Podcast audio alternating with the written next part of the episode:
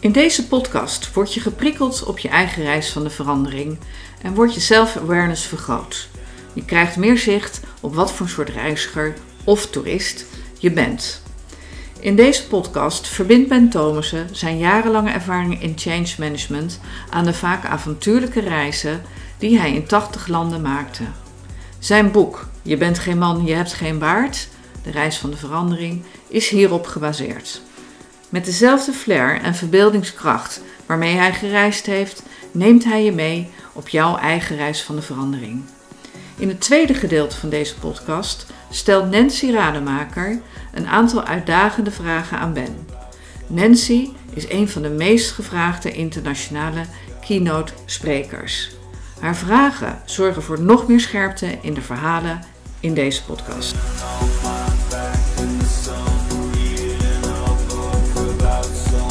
Podcast 9. Durf het verleden zonder oordelen te omarmen.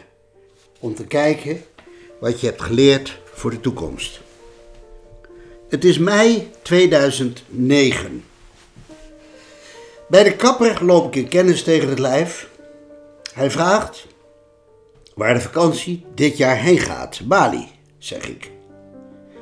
Dan moet je ook even langs gaan bij Klaas hier uit Bergen. Die heeft daar een huis. Deze blijkt fotograaf en filmer te zijn. Cameraman van de serie Nederlanders over zee. Over Nederlandse ontdekkingsreizen die ons onder meer de Gouden Eeuw brachten. Dat spreekt me meteen aan. Want op de lagere school al luisterde ik gefascineerd naar de verhalen over de Verenigde Oost-Indische Compagnie.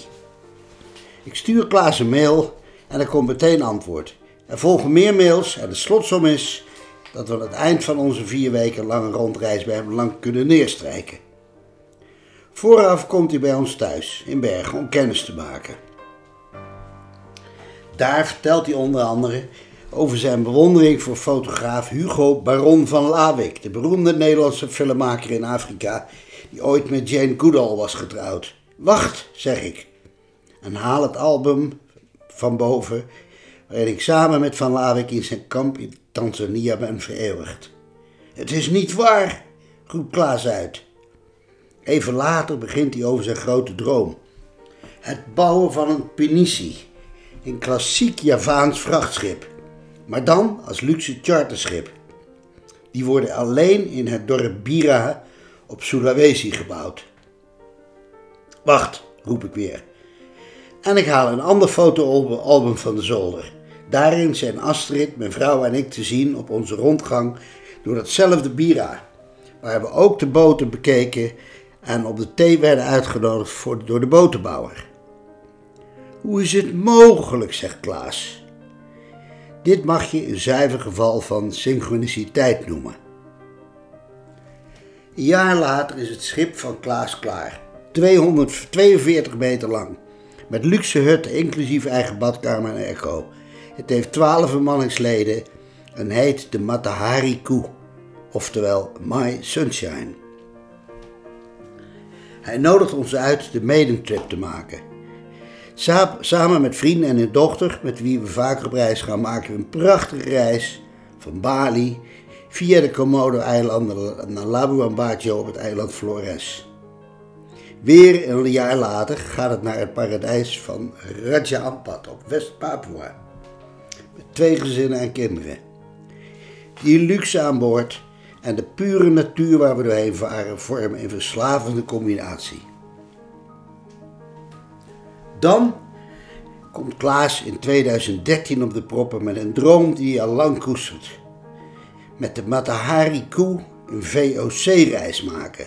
Oftewel, de route varen die de avonturiers en ondernemers van de Verenigde Oost-Indische Compagnie goud geld heeft opgeleverd, dankzij de handel in Oosterse specerijen. Ja, die avonturen staan nu in een ander daglicht. Worden vaak veroordeeld, maar je kunt dit verleden niet uitpoetsen. De reis zal beginnen op Ambon en dan westwaarts via het eiland Buru over de Bandese Zee naar de Togian Islands en verder. Klaas beschrijft de route alsof hij al op zee zit en zegt: Ik wil die reis gaan maken met een groepje mannen die meebetalen aan de kosten, zodat we tegen kostprijs die reis kunnen maken. Astrid is sneller dan ik. Als jij niet meegaat, ben je gek. Je werkt nog altijd keihard en deze reis is uniek. Mijn avonturiersbloed gaat sneller stromen. Ja, ik doe mee, zeg ik. Ook bedenk ik dat we er leiderschapselementen in kunnen verwerken, zoals ik dat ook op de trails doe die ik in Ierland organiseer. Het valt ook niet mee om de juiste gegadigden bij elkaar te krijgen. Ze moeten bij elkaar passen en niets te vertellen hebben. Anders houd je het geen drie weken met elkaar vol. Veel mensen zijn geïnteresseerd, maar vallen toch af. Gebrek aan lef. Niet weg willen van het vertrouwde en verplichten.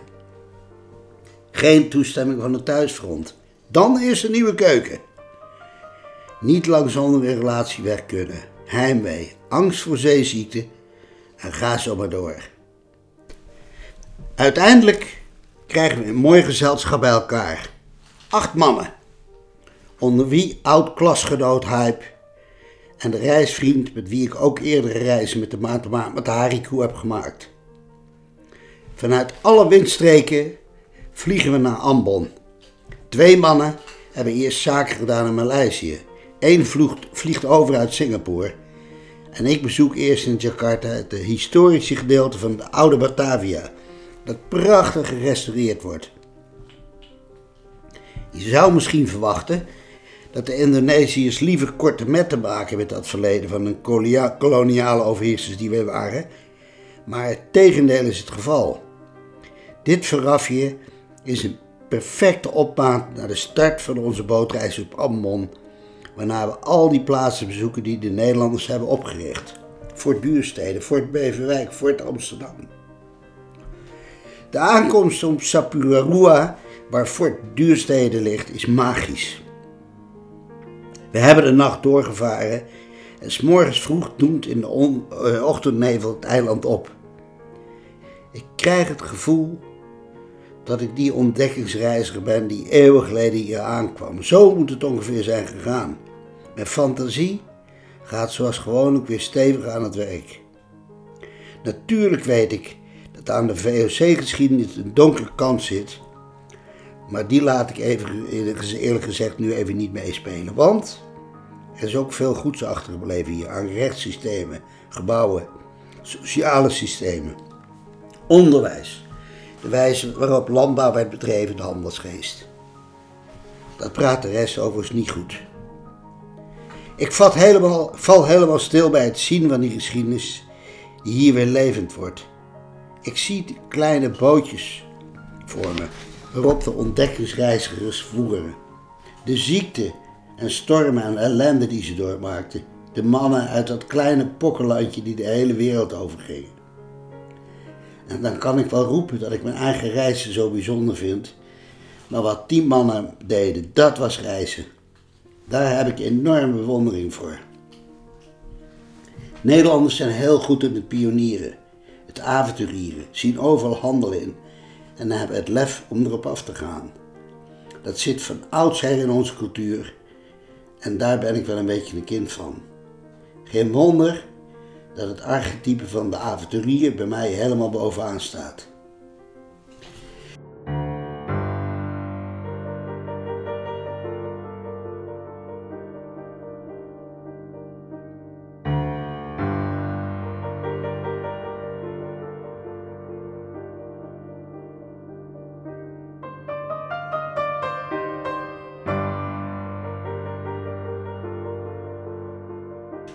Het bijzondere van deze reis is dat je je compleet kunt overgeven aan alles wat je tegenkomt. Geen verantwoordelijkheid voor wie of wat dan ook. Boot is geregeld, onderdak is geregeld. De koks koken de sterren van de hemel. En alles wat we hoeven doen is intens genieten. Ieder doet dat op zijn eigen manier. De een zegt naar het tweede authentieke dorpje dat hij het nu wel gezien heeft. Allemaal prachtige zomer, het boeit hem niet echt. De ander praat vooral over vijf sterrenhotels en acht, acht sterren golf resorts, maar is tegelijkertijd heel aangenaam gezelschap om s'avonds met een sigaartje en een mooie fles wijn een goed gesprek te voeren. Zo heeft iedereen zijn eigen stijl. Ikzelf ben niet te houden. Fietsen, lopen, de bergen in, foto's maken en duiken natuurlijk. Als anderen naar iets staan te kijken, denk ik, waar sta je er naar te kijken? Want dan ben ik er al. Ik zit er met mijn neus bovenop als we ergens diep in het woud met iemand meegaan die kruidnagel uit de boom gaat halen. Een kruidnagel aan kamperfoelie, ja. Op de Carnegie school in Bergen op Zoom hebben we allemaal geleerd wat dat is. En onze moeders hadden allemaal dat rekje in de keuken met de bekende kruiden. Nootmuskaat, kruidnagel, foelie, kaneel. Maar hoe het gemaakt wordt, dat zie ik hier. Sagomeel bijvoorbeeld is schors van een bepaalde boom. Die wordt geraspt tot een soort meel, gaat in een waterbad, wordt uitgepest en dan heb je gelachtig spul. Ze doen het in de soep. Ik vind het niet om te vreten, maar hier zien ze, zie je midden in het hout dat hele proces. Ik fotografeer me ook suf aan prachtige mensen die ik tegenkom. Ze hebben helemaal geen bezwaar. Sterker nog, soms trekken ze aan mijn arm omdat ze op de foto willen. Het schip heeft twee volgpootjes. En de jongens van de crew staan altijd klaar om ons ergens heen te brengen. Of je blijft lekker zitten of je gaat duiken. Alle duikspullen zijn aanwezig. En er is ook een Duitse duikleraar mee. Alex, die nieuwe gebieden in kaart wil brengen. Iedere morgen zegt hij: Kom op, Ben. Ik kan wel duiken, maar ben niet ervaren, want ik doe het eens in de twee jaar, misschien een weekje. Dus het is steeds weer spannend en onwennig. En bij hem voel ik me zo safe als wat. De rest van het gezelschap snorkelt heel wat af. En dan zie je ook ontzettend veel, maar ik doe bijna elke dag ook een paar duiken. Op zekere dag zegt Alex: Ik ga naar een plek waar zulke grote barracudas moeten zitten. Ga je mee? Hmm. Denk ik. Ik heb al gesnorkeld met de anderen op een eilandje rondgelopen, al zoveel gedaan. Misschien moet ik gewoon eens even gaan zitten. Nee, bedankt eh, Alex. Vandaag sla ik maar eens een keertje over. Oké, en weg is hij, naar de Zodiac. Ik zie hoe hij, hoe hij en Erik, de manager van het schip, zich in een pak hijsen. Zuurstofflessen op de rug doen. En ineens bedenk ik, shit. Stel je nou toch eens voor dat ik die barracuda's ga missen. Dat is wel een punt bij mij. Ik ben altijd bang dat ik iets mis. De Zodiac motor start al. Ik schiet overeind. Wacht! Ik ga mee. We varen een goed kwartier. De duikleraar heeft van tevoren alles goed uitgezocht. Vegetatie, stromingen en dan stoppen we. Van bovenaf is niets te zien. Ik laat me achterover in het water vallen en ik zit midden tussen de barracuda's. Duizenden barracuda's. Ze zijn enorm, werk, werkelijk fenomenaal. Ben ik even blij dat ik wel toch gekozen heb om mee te gaan. Dit is mijn beloning. Mijn tweede spectaculaire duikavontuur avontuur beleef ik bij de eiland Timotok. In de diepte daar moet ergens een Amerikaans vliegtuig liggen, een Liberator, die daar in 1953, of 1943 een noodlanding heeft gemaakt. Tegen de avond gaan we duiken. Onder water is alles troebel. Een beetje teleurstellend. En er is niets te zien. Maar dan, verdomd, daar ligt het op de bodem. Ik zwem naar de cockpit en zie er een schutkoepel en verder, verderop de propeller en het volledig intacte neuswiel met band. We blijven een hele tijd beneden. Wat een opwindende ervaring. Bij al die opwinding ben ik niet vergeten dat deze reis op mijn voorstel een leiderschapsreis is. Mijn bedoel is een aantal vragen door te nemen. Hoe sta je in het leven? Wat zijn je waarden? Wat wil je nog graag doen? Welke footprint wil je achterlaten op deze planeet? Maar vooralsnog komt het gesprek niet van de grond. Niet iedereen is blijkbaar bereid om echt iets van zichzelf te laten zien. Bij de fijne sigaar en een mooie fles wijn wat bespiegeling is wel wat anders dan je ziel blootgeven. De heren doen er liever wat lacherig over.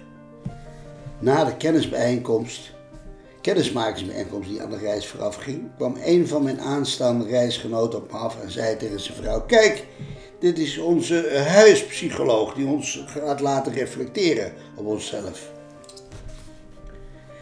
Toch komt het ervan. We beginnen met de life stories, zodat ik dat ook doe wanneer ik facilitator ben op de trails in Ierland. Het uitgangspunt is: wat zijn de belangrijkste dingen in jouw leven die jou gemaakt hebben tot wie je nu bent? De verhalen die volgen gaan over de emotionele relatie met de ouders, het verlangen naar bevestiging van je vader, het gezien worden in je familie, het zoeken naar je eigen persoonlijkheid, het grote verdriet na het verliezen van een kind. Als je goed luistert, merk je dat elk verhaal ook over jezelf gaat. Ik denk weer aan mijn vader, die een dijk van een oorlogstrauma had en daardoor aan de drank is geraakt. Ik denk aan mijn ouders, die niet het huwelijk van de hele eeuw hadden, maar die mij en mijn broers alle liefde en support hebben gegeven die je maar kunt indenken. En dan denk ik, wat ben ik toch een gelukkig mens dat ik dat heb meegekregen. En dat ik mocht zijn wie ik ben. Bij een laatste ronde, de zogenaamde grades, krijgt iedereen te horen wat men in de eerste twee weken in je heeft gewaardeerd. Sommigen vinden het ongemakkelijk. Dat doe je toch niet zo uitgesproken? De verlegenheid slaat ook bij deze grote kerels toe. Het is niet onaangenaam overigens. Het wordt een mooie afsluiting van dit deel van de reis.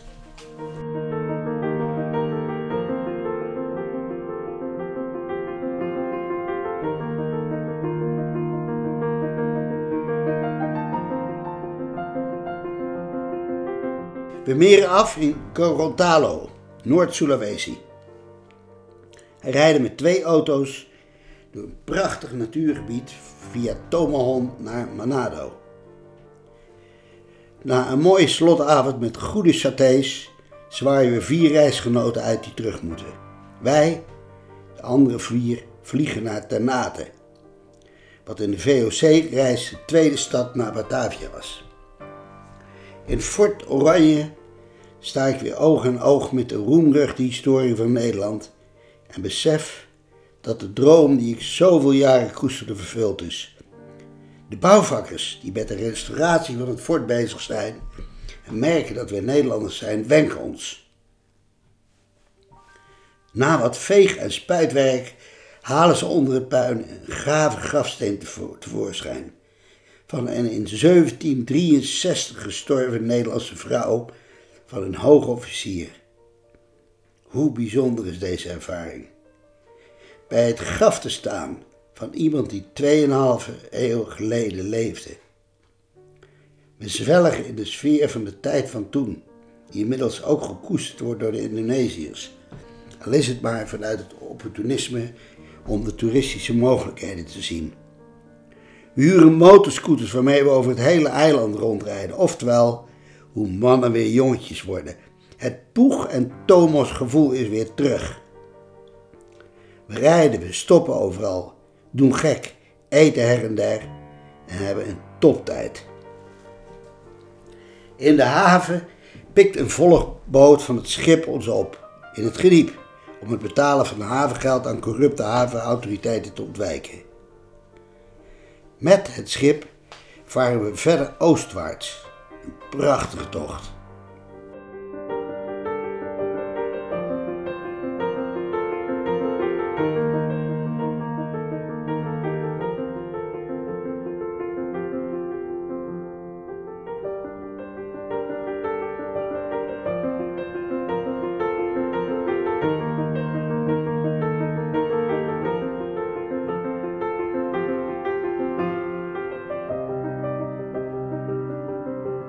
De mooiste toegift moet dan nog volgen. Na lang zoeken op zee vinden we een stam van de Bajo's, de zeenomaden. Natuurlijk ken ik de nomadische volken die in die woestijn of die jungle leven, maar deze mensen leven van de zee, letterlijk. Ik zie een stuk haai hangen, een rij schilden van schildpadden padden, en wordt heen en weer geslingerd tussen het gevoel dat dit niet kan En dat het fantastisch is dat dit nog bestaat. Wat hier allemaal hangt, wat wij in onze wereld beschermen, dat kan helemaal niet. En toch gebeurt het. Maar het is niet aan ons om te oordelen. Dit is hun wereld. Zij doen dit al eeuwen zo. Ze nemen van de zee wat ze nodig hebben om van te leven. Zij vissen de zee niet leeg. Dat doen wij wel.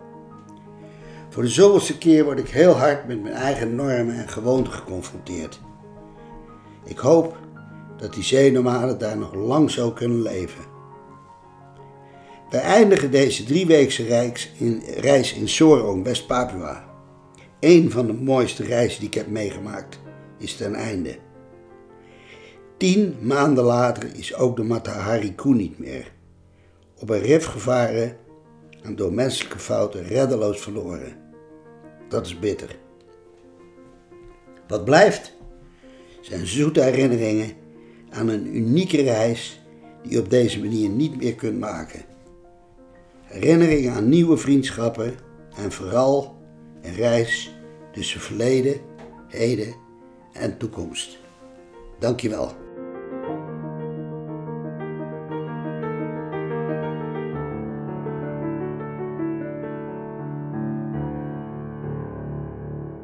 Ben, die reizen die jij hebt gemaakt, daar ben ik best een beetje jaloers op. Het lijkt me geweldig om zo'n leiderschapsreis mee te maken. En waar ik dan vooral benieuwd naar ben, is wat het volgens jou is dat maakt dat mensen zich daar zo openstellen. Dat ze zo over zichzelf vertellen.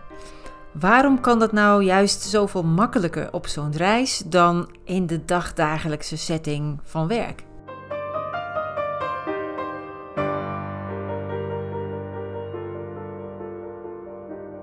Er is een selectie voor deelname aan de trails van de Foundation for Natural Leadership. Je moet al meer dan gemiddeld op jezelf hebben gereflecteerd om mee te kunnen.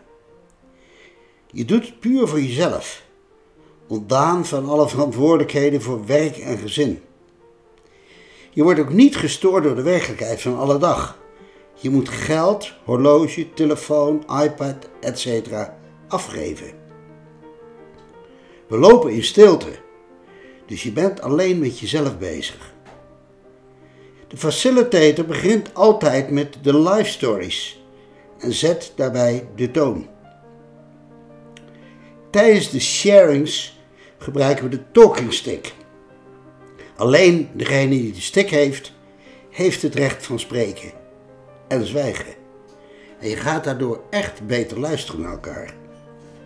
En niet te vergeten hanteren we het principe Only water and wind can take away our stories. Met andere woorden, alles blijft binnen de groep wat er gezegd wordt. Er wordt niet naar buiten over elkaar gesproken. Dus tijdens die trail zijn de voorwaarden wel echt aanwezig om je kwetsbaar op te kunnen stellen. Dat is ja nog niet zo makkelijk in de dagelijkse praktijk. Of je moet een corporate trail doen. Die doe je dan met je eigen team. Dan kun je ook samen een aantal van die voorwaarden in je dagelijks werk opnemen.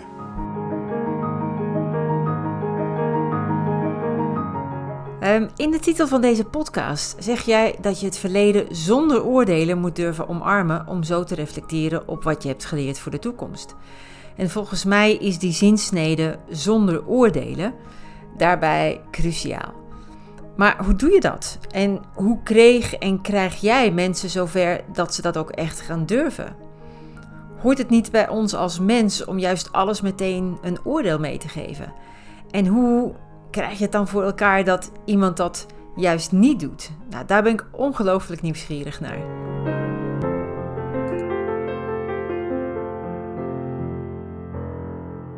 Zonder oordelen, ja, dat vind ik zelf ook wel een hele opgave. Ik houd wel van fikse en confronterende uitspraken die natuurlijk ook een oordeel herbergen. Maar ik zie ook dat het mensen kan afremmen. Vaak hebben ze al zoveel vooral negatieve oordelen over zichzelf. Sommige eigenschappen die we misschien nu als negatief beoordelen, hebben we niet voor niets ontwikkeld. Vaak heb je ze in een bepaalde periode in je leven nodig gehad zijn het, zoals ik dat altijd noem, trouwe bondgenoten in moeilijke tijden geweest. Daar moet je dus eerst bevriend mee raken voor je er afscheid van kunt nemen. Van je afslaan helpt niet. Dat werkt als zo'n balletje aan een elastiekje. Weet je nog, hoe harder je het van je afslaat, hoe harder het terugkomt. Het kan ook voor jezelf belemmerend zijn overal een oordeel over te geven, maar ook de sfeer in een team behoorlijk gaan bepalen. Wij streven naar open mind, open heart, open will bij de groei van mensen. Met jezelf in het reinen komen en minder oordelen creëert veel ruimte en openheid voor jezelf en uiteindelijk ook in een team. En dat leidt tot een sfeer waarin je kwetsbaar opstellen gewoon wordt in plaats van iets heel bijzonders.